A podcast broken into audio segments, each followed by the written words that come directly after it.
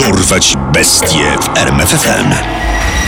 Imię i nazwisko Adolfo de Jesus Constanzo. Miejsce i okres działalności Meksyk 1986-1989. Liczba ofiar potwierdzonych 23, przypisywanych ponad 60. Nie został skazany. Rytuał. To słowo klucz, które pozwoliło rozwikłać tajemnicę zaginięcia 21-letniego amerykańskiego studenta medycyny, który wybrał się na wycieczkę do Meksyku wiosną 1989 roku. Gdy w marcu rodzina straciła z nim kontakt, postawiono w stan gotowości służby. Meksykańska policja nieszczególnie jednak przykładała się do spraw małolatów z USA, którzy znikali z oczu swoim rodzicom. Jednak w tym wypadku trafiło na wysoko postawioną rodzinę z koneksjami. Presja wywierana przez nią za pośrednictwem służb konsularnych i amerykańskich organów ścigania zmotywowała niechętnych Meksykanów do wytężonej pracy, choć odnalezienie młodego Kilroya okazało się dziełem przypadku. Zobacz jak zasuwa, ale komu może się tak spieszyć? Albo jedzie do porodu, albo to dealer. Bierzemy go. Patrol stacjonujący w punkcie kontrolnym ruszył za szybko oddalającym się samochodem. Pościgi i zatrzymania pomniejszych dealerów narkotykowych w Meksyku tamtych lat były na porządku dziennym. Czasem chodziło o zatrzymanie w majestacie prawa, czasem o wymuszenie łapówki, czasem o zwalczenie konkurencji działając na zlecenie kartelu dominującego w regionie. Korupcja była bowiem powszechna na każdym szczeplu organów władzy. Auto uciekiniera kierowało się w stronę rancha Santa Elena. Kierowca nie reagował na sygnały i pościg zakończył się dopiero w miejscu, do którego zmierzał Serafin Garcia. Wyłaź z samochodu, na glebę. Musimy się tu rozejrzeć. Mundurowi od razu znaleźli trochę trawki w aucie. Na ranczu zatrzymano również drugiego mężczyznę, Dawida Valdeza. Oprócz marihuany na miejscu ujawniono również przedmioty wskazujące na uprawianie tu czegoś w rodzaju okultystycznych rytuałów. Obaj zatrzymani zdawali się nie przejmować zatrzymaniem. Byli spokojni, pewni siebie, nie stawiali oporu. Dziwny spokój zatrzymanych skłonił policję do głębszego przyjrzenia się ranczu. Podczas inspekcji przesłuchiwano również stróża obiektu. Rutynowo pokazano mu zdjęcie poszukiwanego amerykańskiego studenta. Ku zaskoczeniu śledczych powiedział, że widział Kilroya na ranczu. Podobno był tam razem z zatrzymanymi mężczyznami, ale co się z nim stało, nie wie. To był wystarczający sygnał, by wezwać posiłki i przetrząsnąć posiadłość od A do Z i przemaglować konkretnie dwóch zatrzymanych. To jest Mark Kilroy, a wy wiecie gdzie on jest. Tak, to on. Jest na ranczu. W kawałkach. Z przesłuchiwanych bił spokój i nienaturalna pewność siebie. Śledczy ruszyli z drobiazgowymi przesłuchaniami, których efekty mroziły krew w żyłach nawet oswojonych z brutalną przemocą meksykańskich policjantów. Według zeznań dwóch zatrzymanych student został porwany i uwięziony na ranczu. Był tam brutalnie torturowany i zabity, zaś części jego ciała posłużyły do rytuałów, które miały zapewnić jego oprawcom przychylność sił nadprzyrodzonych, dać im moc i ochronę przed złapaniem. Esencją tego obrządku miał być gulasz przyrządzany z ciała ofiary. Podobno w mieście jest gość, którego nazywają El Padrino. Mówią, że z jego usług korzystają kartele, ale i władze. Potrafi przewidzieć przyszłość i zapewnić ochronę duchów, jeśli się dobrze zapłaci. Przeszukanie rancza w obecności zatrzymanych doprowadziło do odkrycia zwłok poszukiwanego studenta, a właściwie tego, co z nich zostało. Dwaj aresztowani na tym nie poprzestali. Wskazali łącznie 12 brutalnie okaleczonych ciał ofiar człowieka, którego z szacunkiem nazywali El Padrino.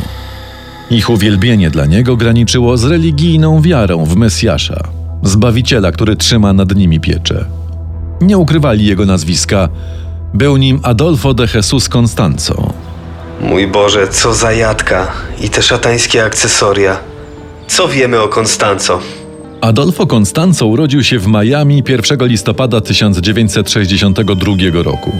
Był synem kubańskiej imigrantki, którą uważano za kapłankę lub, jak kto woli, czarownicę kultu Santerii, wywodzącej się z afrykańsko-karaibskich wierzeń religii z elementami czarnej magii Paloma Yombe.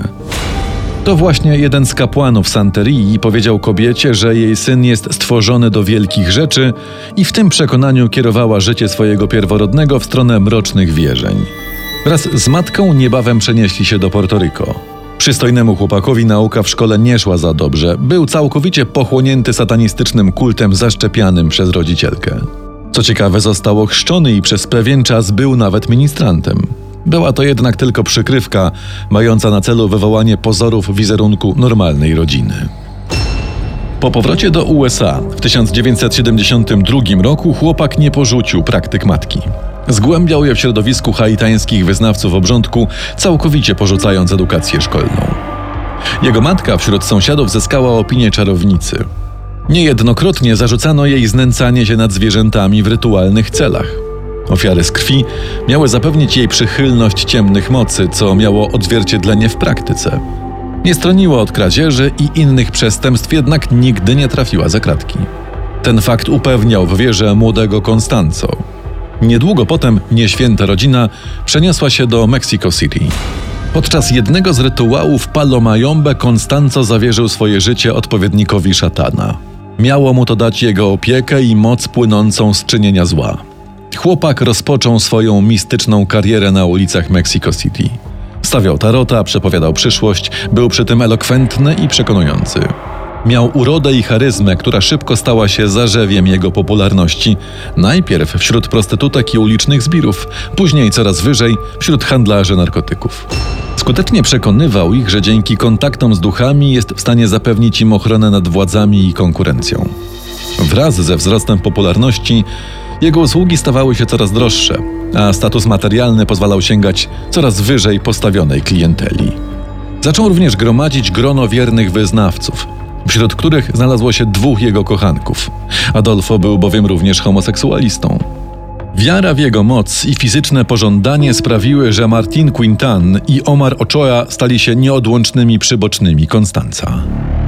Ambicje Konstanca nie sprowadzały się wyłącznie do opieki duchowej nad narkobaronami. Chciał dla siebie kawałek tego tortu.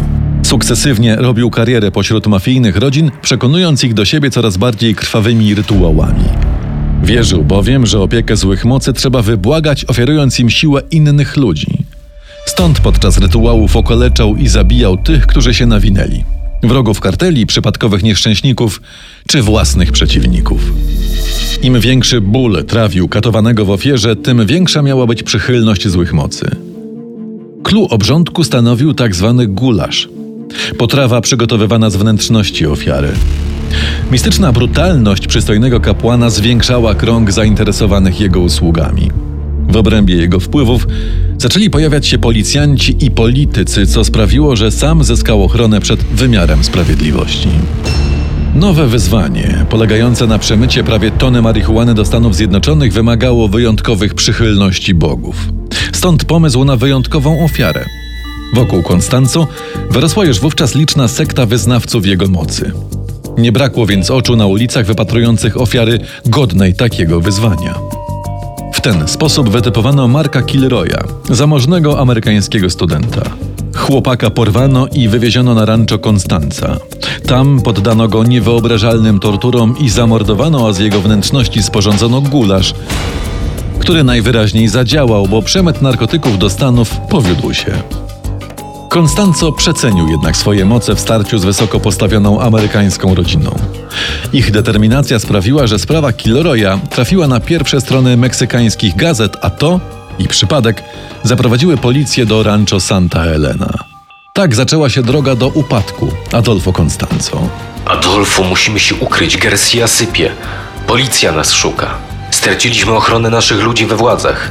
Zrobił się wokół nas zbyt duży szum, żeby ktoś odważył się ukręcić sprawie łeb. Jedźmy do Riosena.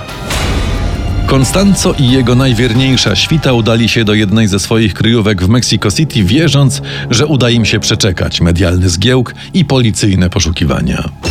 6 maja 1989 roku na ulicy w pobliżu mieszkania pojawiła się policja. Quintan, znaleźli nas, cholera jasna. Spokojnie poczekaj. Może to nie o nas chodzi. Nie afiszowaliby się tak, tylko weszli z ukrycia. Nic nie wiesz. Ja to czuję, wiem. Przyszli po mnie. Patrol, który wzbudził paranoiczny atak Konstanca, tak naprawdę nie szukał jego. Badali wątek zaginionego dziecka, patrolując ulice i wypytując ludzi.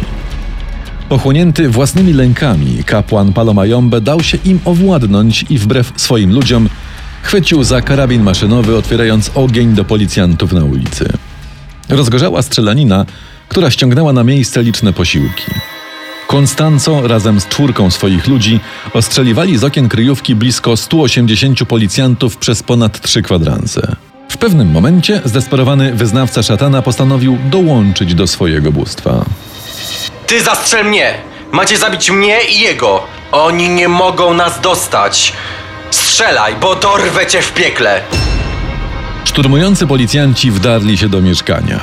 Na miejscu zastali trójkę wyznawców sekty i dwa ciała: Adolfo Constanzo i jego kochanka. Śmierć przywódcy sekty nie zatrzymała fali nagonki na jego wyznawców. Zatrzymywano coraz to kolejnych. Ich wiara i determinacja zaskakiwały śledczych. Nie bali się przyznawać do wiary w kapłana Palomayombe i popełnianych zbrodni. Ponad 20 ludzi skazano na wyroki opiewające na dziesiątki lat więzienia. Co ciekawe, wielu z nich twierdzi po dziś dzień, że kult trwa. Poznaj sekrety największych zbrodniarzy świata. Dorwać bestie w RMFFM.